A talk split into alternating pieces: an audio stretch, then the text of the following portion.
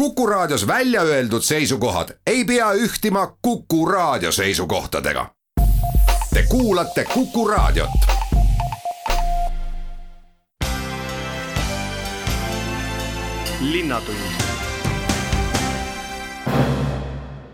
Tere päevast, kõik Kuku raadio kuulajad, ongi käes jälle neljapäev, kell on saanud natukene üksteist läbi, mis tähendab, et Kuku raadios algab nüüd Linnatunni saade. mina olen saatejuht Rein Pärn ja täna on hea meel tervitada Linnatunni saate stuudios Tallinna Jakob Westholmi gümnaasiumi direktor Rando Kuustik, tere päevast! tere päevast! Olulised uudised on nüüd haridusasutustele tulnud üle-eestiliselt ja puudutab loomulikult see ka Vestholmi gümnaasiumi tegevust uuest nädalast, et siis valitsuse otsus on, et alates esmaspäevast kõik õppeasutused on suletud. kuidas te selle uudise vastu võtsite? mina isiklikult võtsin ta tegelikult päris hästi vastu, sest eile oli meil Tallinna linnapeaga taaskord virtuaalne kohtumine, ehk siis Tallinna koolijuhid ja linnapea ja abilinnapea ja, ja seda seal arutati. et äh, linna, linn sellise ettepaneku äh, Vabariigi Valitsusele teeb, et äh, tuua koolivaheaeg äh, lähemale. Nii et äh,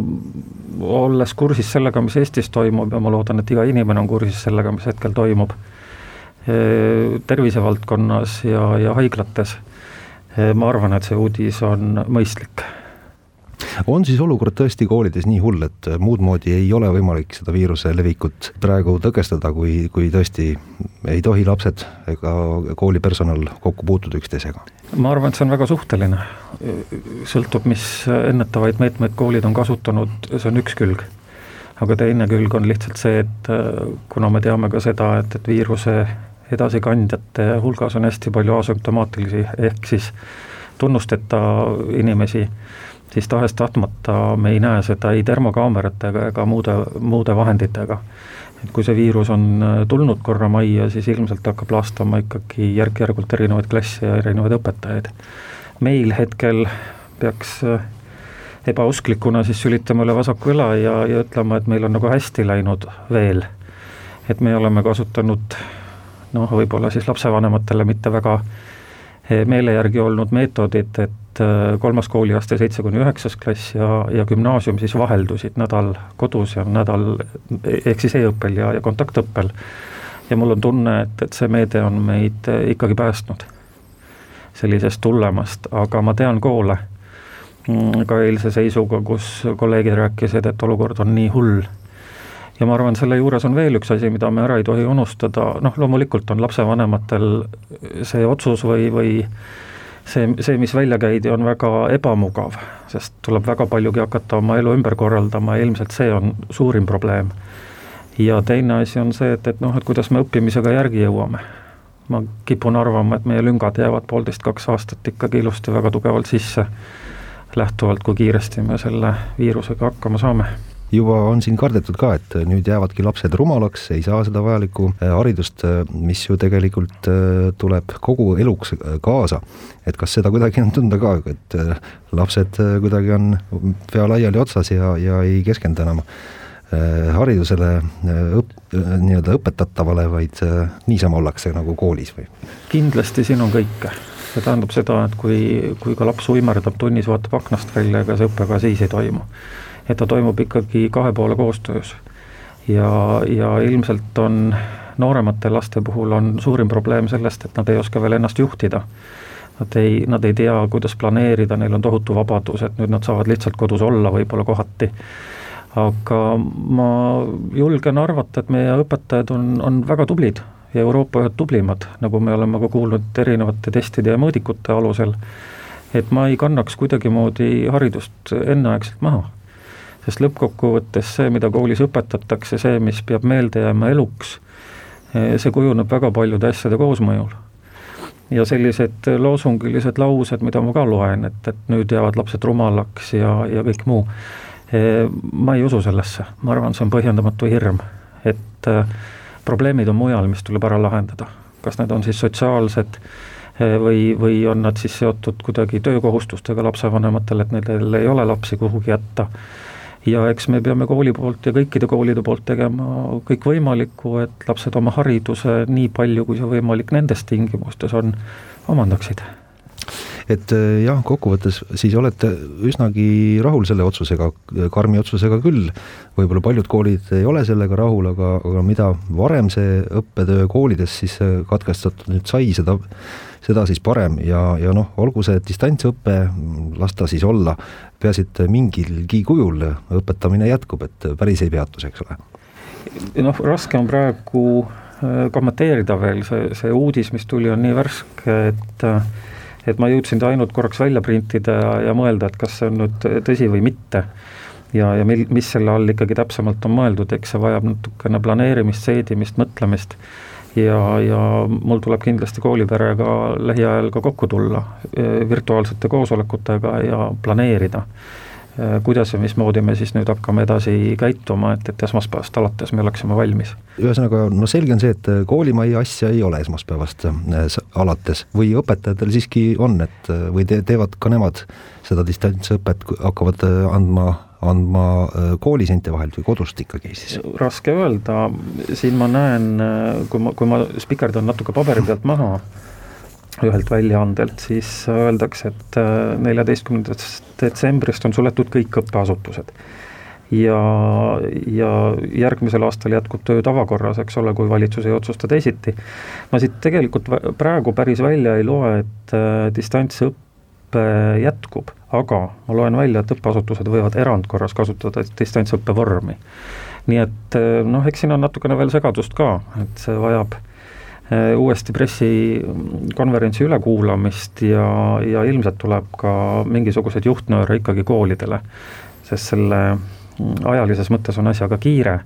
aga ma usun meie kõikide koolide valmisolekutesse, meie juhtidesse ja õpetajatesse, ma, ma arvan, et me oleme valmis. Ja, ja mul ei ole põhjust selles kahelda, lihtsalt nüüd on vaja äh, paar päeva teha väga intensiivset tööd, et, et vaadata, kuidas noh, kas siis HEV-lapsed või need lapsed, kes vajavad järeleaitamist, kuidas nemad saaksid äh, mingil määral ka järje peale.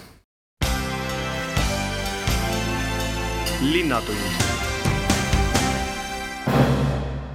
no kevadel, kui ka koolid pandi kinni ja mingisugust õppetööd ega huviharidust äh, ei saanud ja, ja püüti selle äh, distantsõppe olukorras midagigi Äh, jagada, siis kas siis, siis olid ilmselt asjad palju keerulisemad, et pidi ka kiiresti kohanema ja uued süsteemid paika panema, aga loodetavasti nüüd on siis enam-vähem juba osatakse seda, seda kõike, kõike teha, et, et saaks nagu sujuvamalt asjaga edasi minna, et ükskõik, mismoodi see nüüd siis edasi läheb esmaspäevast. Ma arvan, et me oleme õppimise faasis ikkagi, sellepärast et äh, arvestades, et äh, kevad kuni siis äh, praegu talveni on selline circa kuus kuud ja, ja võib-olla varsti natukene peale, et siin on vaja ümberkorraldusi ilmselt teha ka õpetajatel õppetöös, aga rohkem me valmis oleme kindlasti, sest õpetamise meetodid ja mehhanismid ja vahendid on läbi mõeldud. küll aga võiks natukene samm ette mõelda. et äh, isegi kui see viirus nüüd läheb mööda ja, ja loodetavasti kunagi midagi sarnast ei tule, aga me teame, et ajaloos asjad kipuvad korduma, et siis see oleks nagu väga õige aeg või väga hea aeg, kus tegeleda meie IT-valdkonnaga ja hariduse IT-valdkonnaga. Et ma näen, et seal on vajakajäämisi ja see, sinna on vaja hästi palju tuge alla panna. et äh, õpetajal oleks mugav tundi anda noh, väikeste, võimalikult väikeste liigutamiste ja, ja, ja vahenditega ja laste puhul täpselt samamoodi.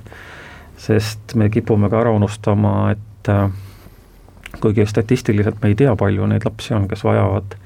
õppetööks arvutit ja, ja neil puudub ligipääs võib-olla internetile, aga ma arvan, et need küsimused tuleb ka kiiremas korras ära lahendada aga oli ka neid teie koolis näiteks noh, õpilased tõesti, kellel ei ole kodus praegu internetiühendust, rääkimata siis võib-olla isegi arvutist, et ei saanudki kuidagi kontakti õpilasega või siis õpetajatega näiteks, kes ei, no ei oska inimene kasutada nii hästi arvutit? õpetajates ma jällegi enam ei kahtle, sellepärast et ma näen, et, et nad on tublid ja ja paljud, kellel võib-olla need oskused ei olnud sellisel tasemel enne, nüüd nad toimetavad äh, vägagi tublilt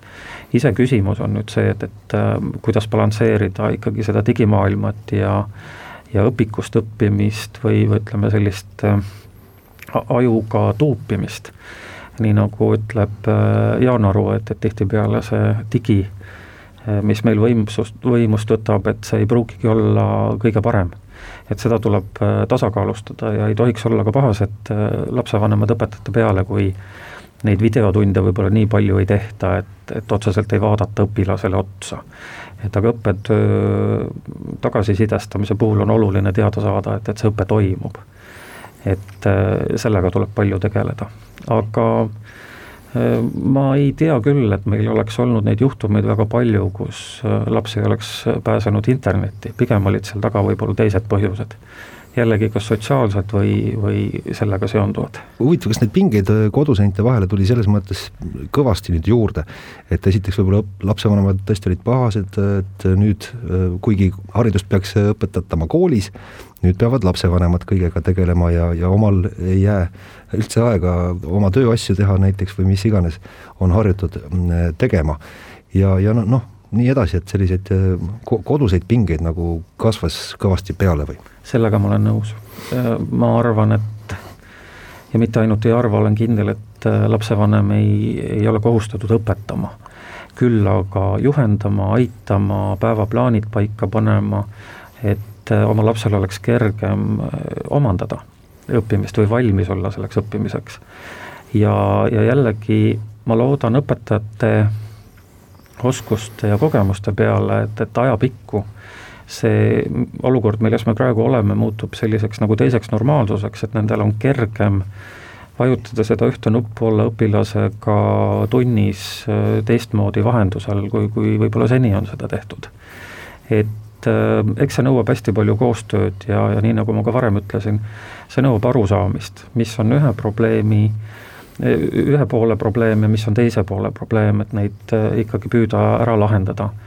ja ma näen, et siin on ka sellised probleemid, mida võib-olla saab aidata ikkagi kas riik või kohalik omavalitsus lahendada täpselt, üks minu küsimus nüüd ongi, mis soovitused teil nüüd on, kas kohalikule omavalitsusele, Tallinna võimule või siis äh, valitsusele, et noh, kui sellised karmid otsused langevad, et siis ju ikka peaks mingisugune tugi ja toetus äh, ülevalt poolt ka, ka kaasnema, et mis, mis tuge üks kool vajab praeguses olukorras? värske haridusminister võiks teha natukene sellist revisjoni, tunda huvi, mis on koolide puudused. Ma arvan, et need on väga erinevad, Tallinna, Ida-Virumaa äh, koolides on see hetkeolukorrast lähtuvalt ilmselt äh, kuidagi teravam ja, ja võib-olla kusagil Saaremaal, Hiiumaal, väiksematel saartes kohtades võib-olla need probleemid ei ole sellised ja kindlasti ei olegi nagu Tallinnas. Aga et, et ühtlustada seda taset ja kindlasti vaadata peale sellele, et mis on nüüd ikkagi need nõuded, mida me nõuame eh, keer-, keerulises olukorras oma õpilastelt, missuguste teadmisteni nad peavad jõudma, kas me teeme järeleandmisi, ei tee järeleandmisi, ma siiski ei saa noh, kõik, kõiges ka süüdistada, eks ole, teisi inimesi või Vabariigi Valitsust või, või Tallinna linna, ma arvan, et Tallinna linn on siiski päris hästi ennetavalt ka hakkama saanud teatud meetmetega, mis on ebapopulaarsed. ja see võib-olla on aidanud Tallinnas hoida ka ära sellist suuremat katastroofi lühema perioodi vältel. aga kindlasti, et, et see õpetaja tugi oleks olemas, et et mõistetaks ka seda, et, et õpetajate koormused tõusevad järsult kodust tunde andes, et see ei ole niisama lõbu ja vaba aja veetmine, see on tõsine töö ja tihti tehakse seda oma pere kõrvalt. just, õpetajatel samamoodi koormus kasvab selliste otsustega ja, ja lisaks siis ju on ju tegelikult kas seadusest isegi lähtuvalt äh, mingid äh, tunnid või see aeg tuleb ju täis töötada, mille eest õpetaja palka saab, et kui rangelt praegu selle eest kinni peetakse? no ma arvan, et see ei ole, see ei ole eriline probleem, olles ise ka tegevõpetaja ja õpetades bioloogiat juba oma koolis circa kakskümmend kolm aastat, siis ma julgen öelda, et äh, õpetaja on töötanud äh, noh, kes teeb oma tööd südamega, kes valmistab oma tunde ette ja ma ei usu, et Eestis oleks teist laadi õpetajaid, äh, siis nende keskmine koormus või, või noh, ütleme nädala koormus on selline kolmkümmend viis tundi, mis on riiklikult ette nähtud aga, aga tegelikkuses õpetaja teeb kusagil kuuskümmend neli, seitsekümmend tundi tööd. Ja kui me võtame igasuguste digivahendite videotundide ettevalmistamise, mis on metoodiliselt juba hoopis teine, siis ma arvan, et ma julgen sinna vabalt lisada veel oma kakskümmend, kolmkümmend tundi otsa. ja valitsuselt peab tulema ikkagi kindel signaal ka selle kohta, et me ei hakka arutama jälle seda teemat, et kas õpetaja on seda väärt või ei ole ja võrreldes teiste eh, töötajatega, kellel on magistrikraad, eks ole, eh, õpetaja peab saama oma töö eest väärilist palka ja keerulistes tingimustes ei saa eeldada, et me paneme talle ainult koormust juurde ja, ja kõik see muu jääb samaks. ma arvan, küsimus on hetkel muidugi ka koormustes rohkem kui ka ainult selles palganumbris. linnatund Läheme tänase Linnatunni saatega edasi, mina olen saatejuht Rein Pärn ja täna on saates külaliseks Jakob Westholmi gümnaasiumi direktor Rando Kuustik ja loomulikult räägime sellest, kuidas toimub nüüd õppetöö uuel nädalal, kui kõik koolid üle Eesti on suletud. No et kõik nüüd sujuks uuest nädalast alates, mine sa tea, kaua see kõik nüüd veel ka kestab, et kuidas selle digi-, digitaliseeritusega selles mõttes on, et kas õppematerjalid on tänapäeval juba internetis kõik saadaval, et need töövihikuid ja asjad,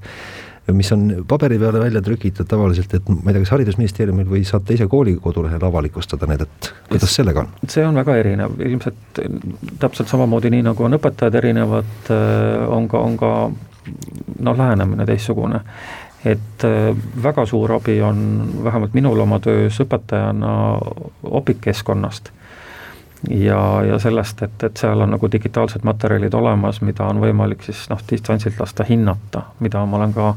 näiteks palju kasutanud, aga äh, väga kvaliteetsete materjalide puhul ei piisa ainult sellest, et me paberkandjal oleva õpiku teeme PDF-formaati ja arvame, et sellega on kõik korras tänapäevased äh, interaktiivsed digi, mis tahes õpikud eeldavad ikka väga tugevat metoodilist lähenemist. ja sellest on, äh, ma arvan, et vabariigis praegusel hetkel puudu või õpetajad töötavad põlve otsas ja leiutavad ise neid variante ja tõlgivad materjale, mis, mis äh, tegelikkuses võtab jällegi osa õpetaja ajast. jah, ma ei kahtle selles, et õpetajad teevad oma tööd südamega ja hästi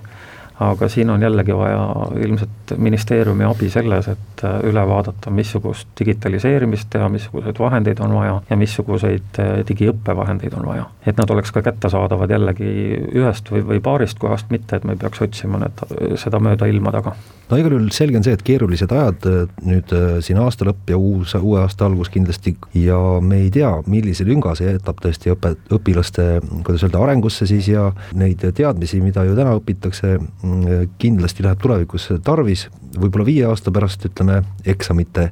sooritamisel. et kas juba täna võiks äh, ka ministeerium mõelda eksamimaterjalide ülevaatamisele, et äh, arvestada ka sellega, et äh, meil siin viis või ütleme, seitse aastat tagasi olid olid lüngad ja noh, ei jõua nii kiiresti enam kõike seda materjali läbi võtta, mis oleks vaja, ütleme, tänase eksamise sooritamiseks no kõigepealt tuleb ära otsustada, mida meil tahetakse eksamitega määrata, mida meil tahetakse hinnata. ma hetkel tõepoolest ei mäleta, kes selle lause kunagi ütles, võimalik, et Peeter Kreitsberg, et kas me kasutame väljaastumiseksameid või sisseastumiseksameid. et, ähm, et kõigepealt tuleks need üle vaadata, et mida me hindame, siis tuleks üle vaadata kindlasti õppekava mahud et äh, nüüd on päris pikalt mööda läinud eelmisest õppekava muudatusest, mis tuli ka päris raskelt ja keeruliselt aga et äh, riik võiks panna või, või julgemalt välja anda ka signaale, mida oodatakse koolidelt, mida oodatakse õpilastelt äh, ja, ja loomulikult õpetajatelt. ja ma arvan, et see on nagu selline hea lähtepunkt selle koha pealt, et äh, et hakata siis vaatama, mis nende eksamitega teha, kas neid üldse teha või, või on see vaheetapp mingisuguses perioodis. et siin oleks vaja ekspertidel ja kindlasti ka kaasata kooliperesid et kes saaksid anda selle kõige adekvaatsema hinnangu, et, et mida siis teha. aga selge on see, et äh, noh, ilmselt nii, nagu praegu, praegu on ette valmistatud kümme-viisteist aastat tagasi õppekava, ka päris edasi ei saa. ma olen nõus, et äh, võib-olla väga suuri järeleandmisi ei peaks tegema sest me teame ka noh, ütleme õpetamise kontseptsioonist seda, et justkui mida rohkem õpid, siis äh, meelde jääb oluline või, või loodame, et meelde jääb oluline aga see ei tähenda seda, et, et see peaks olema proportsioonis. et äh, ilmselt kvaliteedis on see küsimus, mida mõni õpetaja annab paremini, mõni ei anna võib-olla nii hästi. ja, ja see sõltub väga sageli ka õpetajast ja loomulikult see, kellele õpetatakse, kui ei ole teist poolt vastu võtmas ja teda ei huvita ja ta ei taha, siis võib pea peal käia, aga seda tulemust ei tule. see õpetamine on ju mitmekülgne, tihtipeale õpetajad ju ütleme konkreetselt mingisuguseid ülesandeid ei annagi ja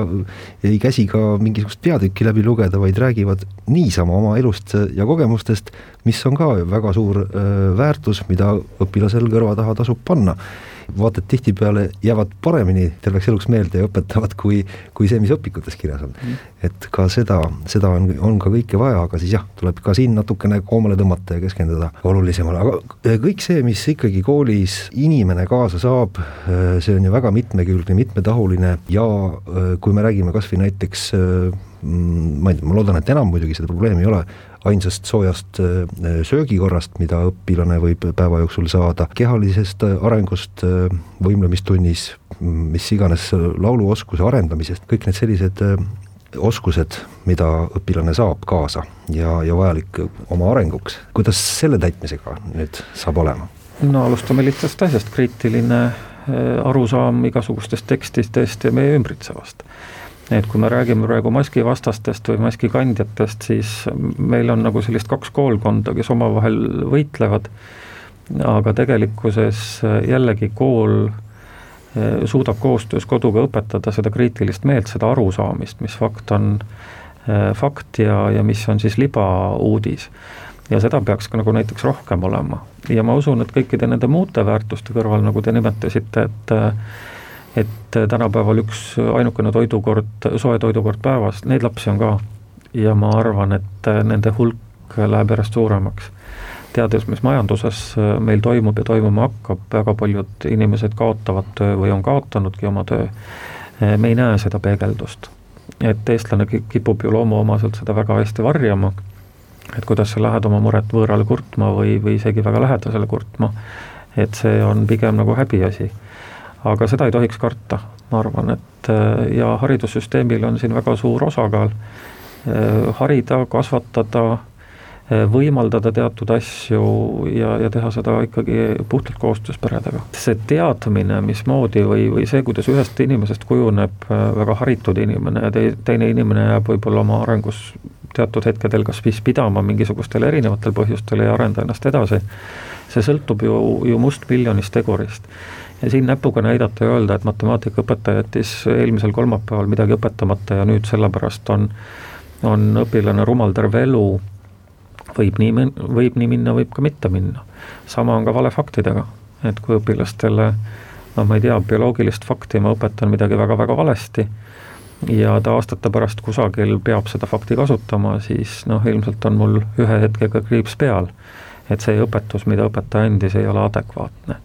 ja see, see nõndanimetatud tempelmällu jääb terveks eluks, et inimene jääb seda taaka kandma ja ta enam ei usalda seda süsteemi. aga jumal tänatud, et järjest rohkem inimesi kaasata, kaasatakse haridusse ja järjest rohkem lapsevanemaid kaasatakse aru saama, mida koolis tehakse. et vahel on mul hästi kurb ka äh, kuulda siin-seal ma ei räägi lastevanematest, vaid üleüldiselt, et kõik inimesed, kes kaksteist aastat on koolis käinud, arvavad, et nad teavad haridusest kõike, et äh, ma arvan, et see on igas valdkonnas nii. et neid näpuga näitajaid on ka palju, aga siin peab mõistuse hääl peale jääma. me peame ikkagi aru saama, et need teadmised, mis meil on eluks ette antud, ega me ei oska ju sellele peale näpuga panna, öelda, et kust ma seda tean või kus ma seda õppisin või kus ma seda lugesin, see moodustab terviku. ja, ja väga raske on ette ennustada äh, missugused teadmised sellest õpikust, videotunnist, elust nüüd jäävad sellesse inimesse pidama. ja me ei tea ka no seda, et äh, kas inimesel tekiks huvi näiteks, ma ei tea, muusika vastu või spordi tegemise vastu, kui ta ei käiks koolis või äkki ongi kool ainukene koht äh, elu jooksul, kus inimene, tänu, tänu millele inimene satub teatrisse või, või õpib ujuma, et äh, kõik sellised asjad et äh, ma ei tea, kas nüüd jäävad ka ära, peab seda kartma? ma ei usu, et seda peab kartma, sellepärast et jah väga,, väga-väga keeruliseks muutuvad olukorrad äh, vaimse tervisega. ja ma ise kartsin seda kevadel kõige rohkem, et, et mis saab siis, kui inimesed on hästi pikalt olnud isolatsioonis. et üks asi on see, et nad väga ei taha alluda ja noored seda enam, et, et see on ju nende nooruse kõige ilusam aeg, eks ole, et noh, kuidas nüüd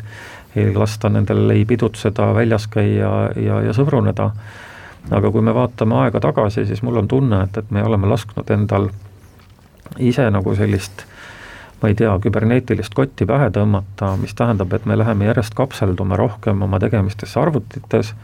väga kerge on teine inimene välja lülitada, kui ma temaga enam rääkida ei taha, aga see ei anna sotsiaalsetele oskustele ja suhtlemisele mitte midagi juurde. Ja kui see hirm on, et järjest rohkem tuleb tehnikat peale, inimesed ei tahagi ühel hetkel suhelda, siis tegelikult vaadake, mis toimub. et mida rohkem hoitakse neid äh, isolatsioonis ja üksteisest eemal, seda rohkem tekib see suhtlemise vajadus ikkagi. ja, ja ilmselt see on meie liigile instinktiivselt ligiomane asi, et me vajame sotsiaalset suhtlust, mõni rohkem, mõni vähem. aga seda, et, et meil mõni oskus nüüd ära kaob kuue kuu või ühe aastaga, kui, kui ma ei tea, ujujad teevad trenni viie-kuueaastasest peale ja, ja ütleme, mõni väga kõrge vanuseni seal seenioritena ja nii edasi, siis ega ega jah, treeningus kaotatakse palju ilmselt sportlaste puhul või muusikute puhul, kui ta ei saa treenida või harjutada, noh, ujujal muidugi on kodus ilmselt keeruline harjutada, aga ma ei usu, et äh, see pis-, pikas perspektiivis oleks äh, noh, nii traagiline või nii tohutu muutus, et inimene oma eluga enam hakkama ei saaks. et ju ta peab seda kompenseerima ja ju ta peab või, või me peame ka koolina Eh, silmas pidades arendama või püüdma are-, eelisarendada kõiki neid eh, oskusi, mis sellel noorel inimesel võiks eluks vaja minna. linnatund kuidas on nende noh, ütleme koolipsühholoogide tegevusega, samal ajal kui koolid on suletud ja kas nad püü-, püüavad ja kuidas nad üldse saavad ühendust selliste lastega, kellel või, võib eeldada, et või, võivad neid sotsiaalseid ja psühholoogilisi probleeme tekkida? ma arvan, et neid tekibki järjest rohkem ja mitte ainult väikestel lastel, vaid ka suurematel noortel. kurb statistika on see, ma nüüd paraku ei, ei vaadanud üle aga kui ma õigesti mäletan, siis äh, suitsiidide ja enesetappude arv väikelaste seas on, äh, on kasvanud niivõrd, et sellel aastal vist on see arv olnud kümme, mis tähendab, et äh, me ei näe selle pisikese lapse sisse, me ei näe, mis on tema kõige suuremad mured, et võib-olla meil täiskasvanud inimesena tundub, et noh, mis see Covid on, räägime sellest rohkem-vähem, aga väike laps võib tunda sellest väga suurt hirmu, kui ta ei saa aru, mis toimub, miks nii tehakse mis ajendab muidugi ühte või teist äh, inimest, sealhulgas ka väga väikest inimest, äh, elu, elu endalt võtma, seda teavad ilmselt psühholoogid äh, ja psühhiaatrid paremini, aga selge on see, et selleks mureks on väga suur põhjus, seesama isoleerituse põhjus või, või see, kui ma ei tea, kõik õppetunnid peaksidki koolis toimuma ainult õpiku põhjal ja me ei näeks aeg-ajalt ka ei õpetaja nägu ega, ega ma ei näeks ka õpilasi siis on see nagu selline natukene seina õpetamine. selle küsimusega me peame tegelema kiiresti ja põhjalikult ja seda riiklikul tasemel. ja see kriis on välja toonud ka koolides ühe teise väga suure probleemi, on tugispetsialistide puudus. et riik näeb küll ette teatud ametikohad, eh, mida on päris keeruline täita väga heade spetsialistidega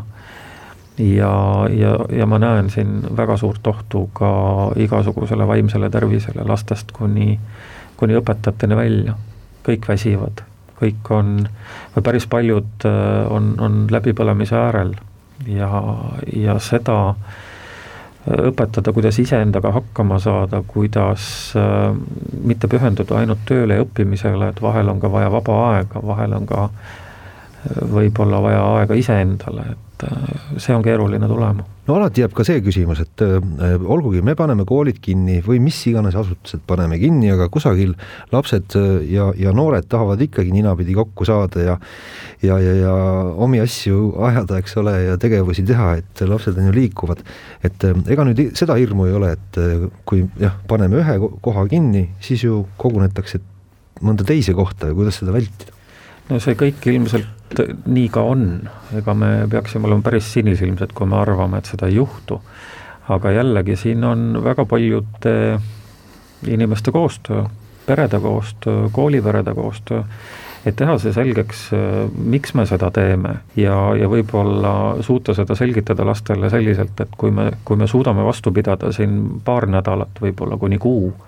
siis me ei pea neid pikemaid sanktsioone siin hakkama kehtestama võib-olla kolm kuud, võib-olla lausa kuus kuud, et see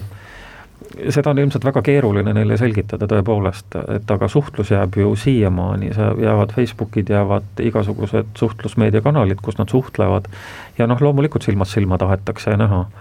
Aga et, et just seesama mõistmine, samamoodi nagu meil täiskasvanutel on aeg-ajalt probleem, et noh, miks seda tehakse ja miks neid, miks meid justkui nagu takistatakse vabalt elama, et siin on seesama elu, inimeste elukaitse ja, ja võib-olla sageli ei usuta ka enne, kui see puudutab äh, see haigus lähedaselt enda peret. hoidku jumal, et seda ei juhtuks, aga me teame, et, et tahes-tahtmata seda,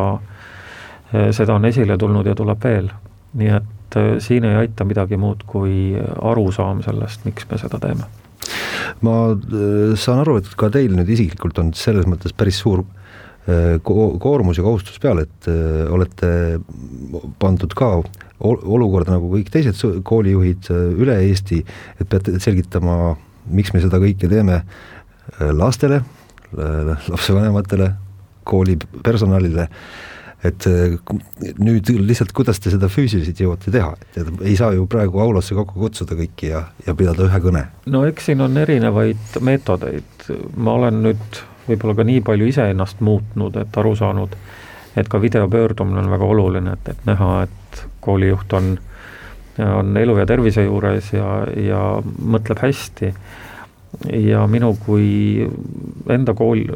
kui ma enda peale mõtlen, et võib-olla selline eh, suurim koolijuhi häda on see, et ma pigem kipun analüüsima hästi palju ja mõtlema, et, et millal on see õige hetk, et, et seda infot oleks piisaval hulgal, et me ei üleküllastaks erinevate informatsioonidega nii lapsevanemaid kui õpetajaid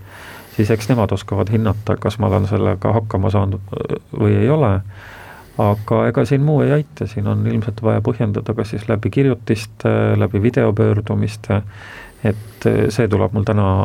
õhtul rahulikult või, või öösel läbi mõelda, et, et mis, mis ma siis lähiajal teen oma meeskonnaga ja ja kindlasti nendega läbi arutada, et mis see õige,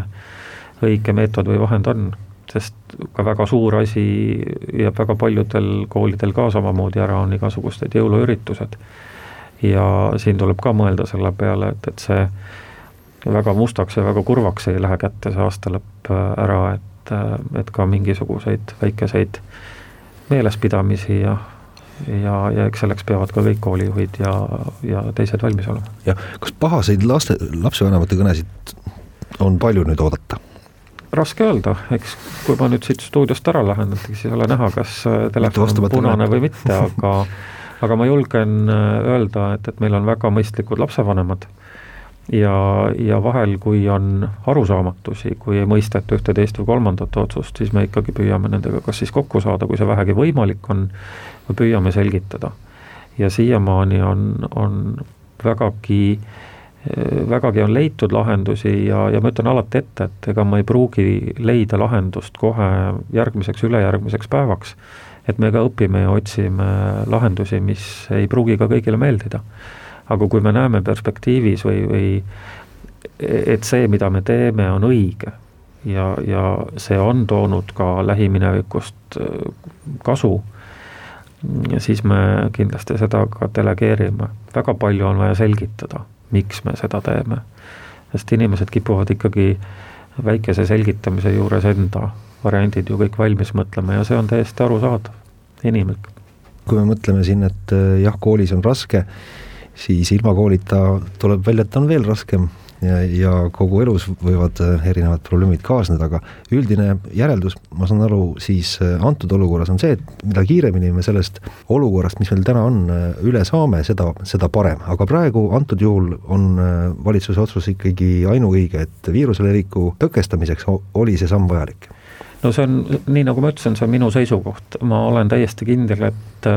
seal kusagil on kuulajad ja, ja koolijuhid, kes ütlevad, et ei, et see on absoluutselt vale samm väga paljudel põhjustel, mida nemad võivad ka välja tuua. aga ma lähtun ainult elu ja tervise kaitsest. et äh, ilmselt bioloogi taust on ka natukene teaduslikum ja, ja võib-olla natukene teisem, et, äh, et on kergem mõista. aga ma ei saa öelda, et, et see on ainult bioloogide päru, pärusmaa või, või, või faktikontrolli tulemus ja nii edasi, vaid et äh, siin me peame aru saama, et Eestis kui ma jällegi statistikaga ei eksi, meil on sada kolmkümmend üheksa peret, kes on kaotanud vähemalt üle ühe pereliikme Covidile. et äh, see on Eesti jaoks suur arv iga kaotatud inimene Eesti jaoks on äh, väga suur kaotus, on ta noor või vana, ma arvan, sellest me ei peaks üldse arutama või sellest rääkima. et äh, kui me saame koos sellest aru ja seda mõistame, et me teeme seda elude kaitseks,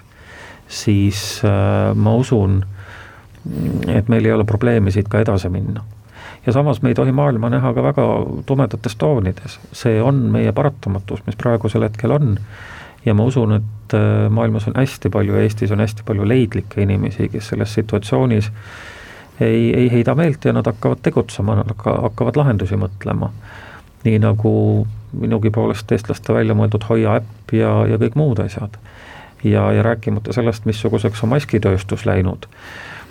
ja nii edasi ja nii edasi, nii et äh, ma usun, et igas kriisis on alati ka midagi sellist, mis aitab meil muutuda paremaks absoluutselt, sellega võib kindlasti nõustuda. väga tänan Jakob Vestholmi gümnaasiumi direktor Rando Kuustik meile stuudiosse tulemast, eh, neid mõtteid, seda juttu rääkimast ja soovin edu, jõudu tööle! pidage vastu ja olge terved. linnatund.